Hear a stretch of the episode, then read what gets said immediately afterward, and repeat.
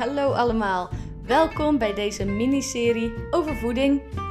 In een hele korte en krachtige serie wil ik jou meenemen in de natuurgeneeskundige voeding en jou alle tips geven waarmee je super makkelijk vandaag al aan de slag kunt. Ik hoop dat je er wat aan hebt.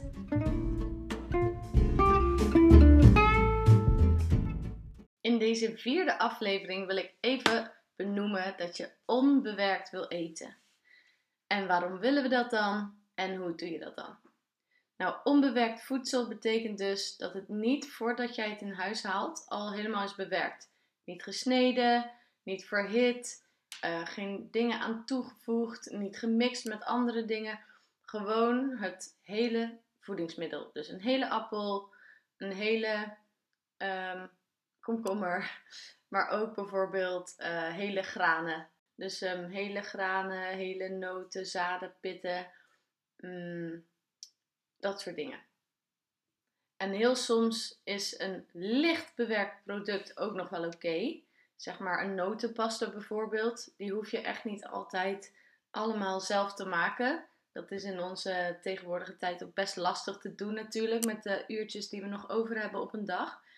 Maar zo onbewerkt mogelijk. Ik haal ook wel eens een blikje tomatenblokjes, biologisch. Of ik haal, ehm, zoals ik al net noemde, uh, notenpasta, uh, tomatenpuree, een olijfolie. Dat zijn natuurlijk ook bewerkte producten, maar zo min mogelijk.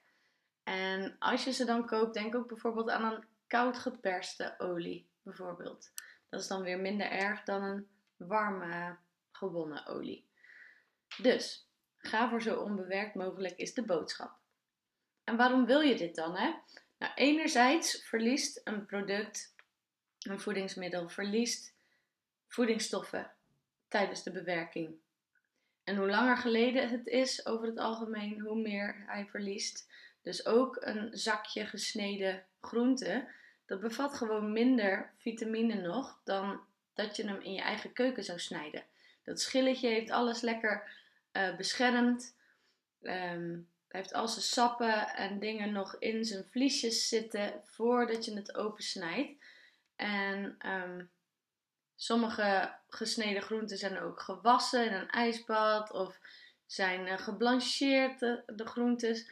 Dus probeer echt om zelf je groenten te snijden en je fruit en dit niet kant-en-klaar te kopen. dus het ene nadeel is dat het voedingsstoffen heeft verloren. Het andere nadeel van bewerkt voedsel is dat er van alles aan is toegevoegd.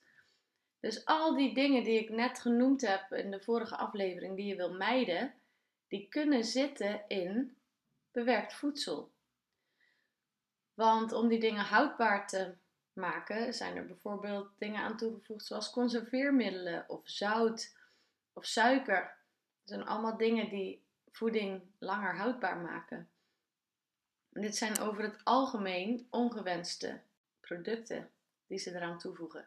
Dus enerzijds verliest het voedingsstoffen die je wel wil hebben, anderzijds voegen ze er voedingsstoffen aan toe die je niet wil hebben. Je hebt met bewerkt voedsel echt te maken met veel te veel zout, veel te veel suiker en daarbij ook nog eens ehm, vaak chemische of kunstmatige toevoegingen die je al helemaal wil mijden. Maar hoe doe je dit dan? Hoe ga je van pakjes en zakjes en kant-en-klaar maaltijden naar alles zelf bereiden? Nou, dat is een, kleine, ja, een klein reisje dat je zelf mag gaan aangaan. En misschien wil je het in kleine stapjes doen. Ik ken mensen die doen alles bijna bewerkt. Nou, je zou kunnen beginnen met uh, in plaats van kant-en-klare rijst uit de magnetron, om die zelf te gaan koken. Um, en dan zo steeds hè, de makkelijkste dingen eerst veranderen en daarna uh, steeds wat uitgebreider. Ja, van een voorgesneden zakje groente kun je natuurlijk vrij makkelijk naar, een, naar de losse groentes die je zelf nog snijdt gaan. Um, en dan de kruidenzakjes en pakjes. Dit is echt een kwestie van, goh, nou, stel dat je altijd een Mexicaanse mix gebruikte om je um, taco's of burritos of wat dan ook mee te spicen. Dan ga je gewoon opzoeken op internet Mexicaanse kruiden. En dan zie je meteen wat er allemaal in zit. Ik weet zo uit mijn hoofd uh, dat er paprika poeder, komijn, oregano uh, zijn dingen die daar vaak in zitten. Nou, als je die drie kruidjes al los in je kast hebt staan, kun je super lang mee doen. Het bederft niet. En je hebt heel veel plezier van. En die paprika poeder is ook weer lekker in een andere mix. Of over je aardappeltjes uit de airfryer of uit de oven. Of op je uh, kikkererwten. Die maak ik wel eens als zoute snack, zeg maar. Die kun je dan uh, op zo'n bakplaat met een beetje olie en wat kruiden in de oven roosteren. Ja, dus paprika poeder ook weer lekker op. Um, nou, zo kun je dus één zo'n kruid voor heel veel verschillende mixen gebruiken. Oregano, wat ik net noemde, is er ook echt een uit de Italiaanse keuken. Ehm, dus over de pizza enzovoorts. Ja, dus ga al die kruiden loskopen en misschien stap voor stap. Dus doe je eerst een keer je Mexicaanse kruidenmix oefenen. En ik trouwens, ik mix het niet van tevoren. Ik doe dat gewoon uh, allemaal los in de pan steeds.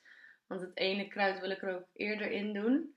En het andere later, zeg maar, oregano bak ik meestal nog niet mee totdat ik er ook bijvoorbeeld de tomatenblokjes of zo bij heb zitten. Ehm, en als je zo'n mix maakt, dan moet je alles tegelijk toevoegen. Dus, maar dat is up to you. Ook curry's enzovoorts kun je vrij eenvoudig zelf kruiden. Um, dus ga dat gewoon opzoeken per gerecht. Oké, nou ga ik hem zonder zakje doen. Wat heb ik dan nodig en hoe pak ik dat aan? En als je dat iedere week een nieuw gerechtje invoert, die je zonder pakjes en zakjes maakt, kun jij over een aantal weken echt al een heleboel zelf. Kost het meer tijd? Ja, het kost een beetje meer tijd. Maar vind ik het het waard? Ja, zeker. Ten eerste is het goedkoper, want al die voorgesneden groenten um, is gewoon echt duurder. En ik weet dus welke gezondheidsvoordelen ik ervan heb als ik het zelf snij.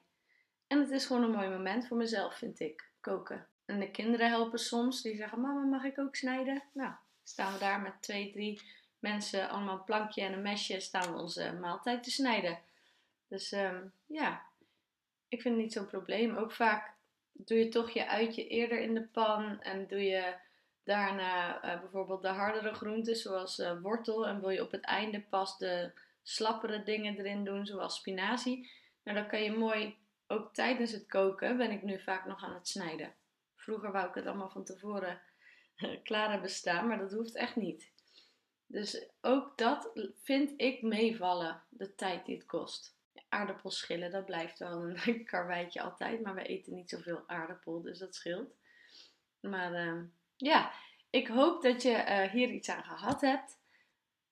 Ik raad je dus aan om onbewerkt te eten. Ik hoop dat het jullie al een beetje lukt. En misschien doen jullie het al supergoed. En misschien moet je nog wat wennen en nog wat dingen veranderen. En dat is ook helemaal goed. Dus um, als ik je in je reisje kan helpen, let me know. Ik ben hier. En ik wens jullie voor nu een fijne dag. En ik hoor jullie weer in de volgende aflevering.